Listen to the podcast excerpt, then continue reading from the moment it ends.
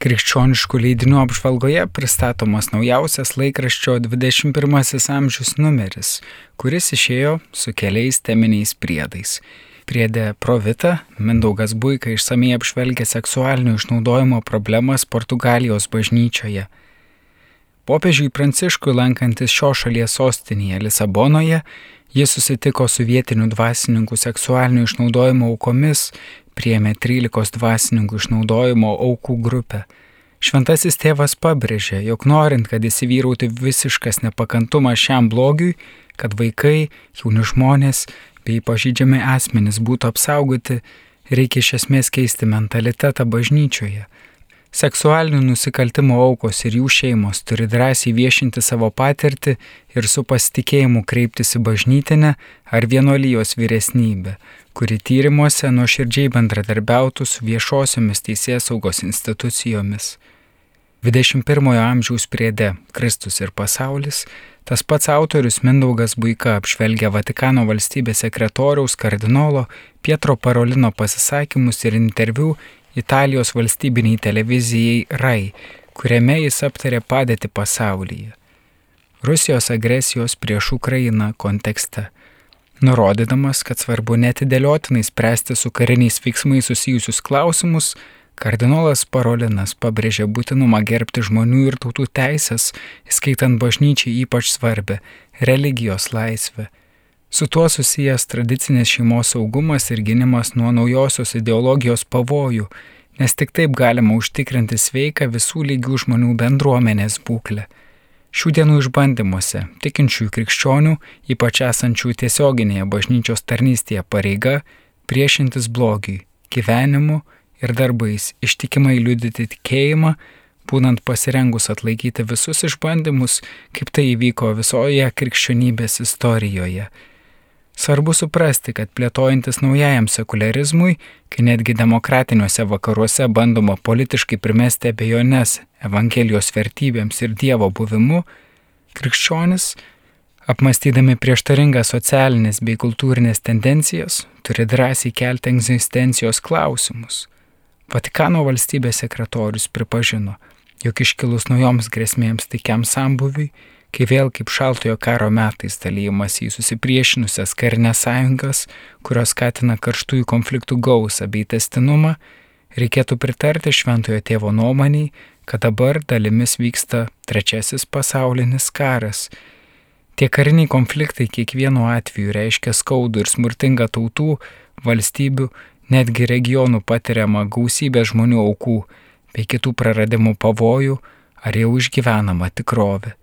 Ši situacija iškilo nestaiga, nes jau kurį laiką stebėjome vadinamaisiais nacionaliniais interesais pridengtus kai kurių šalių imperialistinius, politinius, ekonominius ar ideologinius siekius, bei kitas tarptautiniu mastu kilusias įtampas, kurios nebuvo laiku sutelktai demaskuojamos ir sprendžiamos.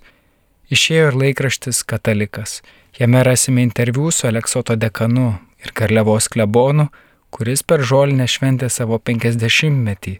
Kuningas Gintaras Urpštas ir kunigų buvo išventintas per žolinę.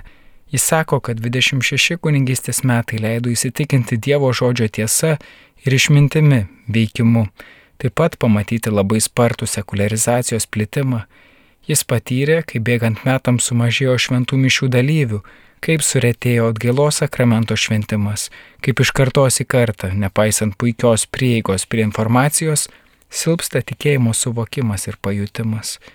Kuningas pasakoja ir apie savo vaikystę praleistą Ilguvos parapijoje, kuris mišiuose patarnauti pradėjo dar prieš pirmą klasę. Išėjo ir priedas katalikas. Jame pamokslėlis apie išpažinti, kurį paruošė kuningas Jonas Paliukas Laikraščio 21 amžius apžvalgą parengė laikraščio redakcija. Išėjo ir žurnalas Artuma. Rugsėjo Artuma apie kunigiškojo pašaukimo paieškų džiaugsmą ir skausmą. Apie tai atvirai ir drąsiai rugsėjo Artumoje kalba įpusėję savo kelią seminaristai ir jau patyrę jų ugdytojai kunigai. Jie patys klausė, ką rengia seminarijos kunigus vienuoliniam gyvenimui ar ganytojus gyvenančius šiandienos pasaulyje. Tad kas vyrus paskatina rinktis kunigystę? Kas padeda nesusviruoti net skandalams netylant ir Lietuvos, ir visuotinėje bažnyčioje? Dovanai gavote, dovanai duokite, primena kunigams popiežius Pranciškus, už ką jis dėkoja jiems ir dėl kokių pavojų įspėja, kodėl prarandamas uolumas tarnauti ir troškimas rūpinti žmonėmis. Be to, artėjant pabėgėlių ir migrantų dienai, atidžiau žvelgiame ir į tuos, kurie buvo priversti palikti gimtają šalį. Kaip atrodo gerojo samariečio pamokos, realiai susidūrus su migrantais ir pabėgėliais Lietuvoje. Apie tai skaitykite artumoje. Ištikimus žodžio tarp mūsų skaitytojus norime pradžiuginti. Jau išleistas naujas rugsėjo spalio numeris. Rudeninio žurnalo numerio straipsneliuose gvildename reiklius Jėzaus žodžius - turiu, reikia. Ar gali būti Jėzus įpareigotas? Negi jis nėra laisvas daryti, ką panorėjęs. Kodėl Jėzus sakė, man reikia būti savo tėvo reikaluose? Ir ką šie jo žodžiai reiškia mums? Ar ir mums reikia pasinerti į Jėzaus ir mūsų tėvo reikalus? Dar viena žodžio tarp mūsų tema - Jėzaus prisilietimai. Jėzus gyveno tarp žmonių, dažnai būdavo supamas minios. Žmonės troško jo artumo. Ir jis juos liesdavo, gydydamas, drąsindamas, skatindamas įsitikinti ir įtikėti. Kaip Jėzus liečia mus šiandien, kokią žinę perteikia Jėzaus prisilietimai.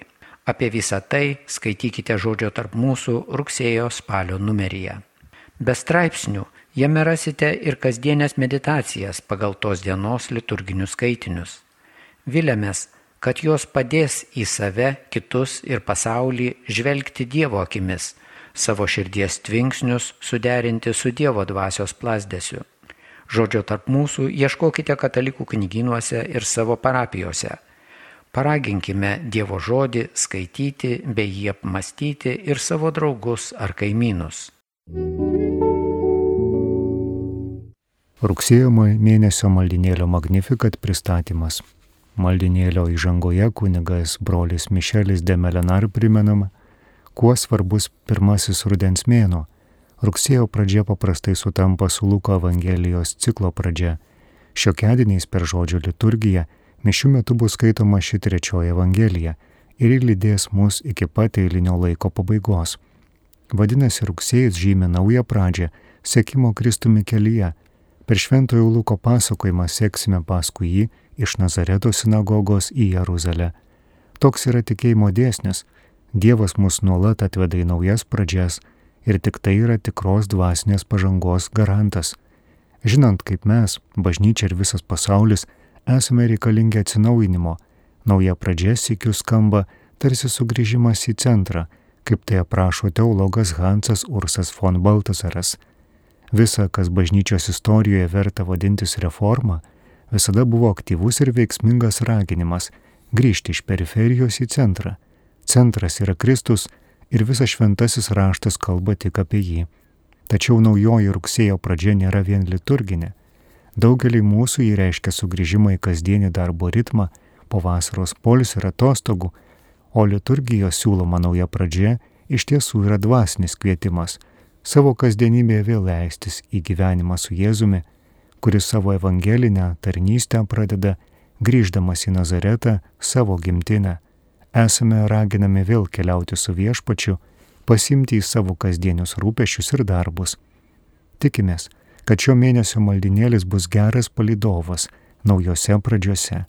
Jo viršelėje matome italų dailininko Džirolamo džengos miniatūrą Jėsis medis primenančią mūsų išganimo istoriją, kurioje mergelė Marija ir jos gimimas taip pat ženklina naują pradžią. Išsamei šį meno kūrinį pristato menotyrininkė Jolanta Stupelytė.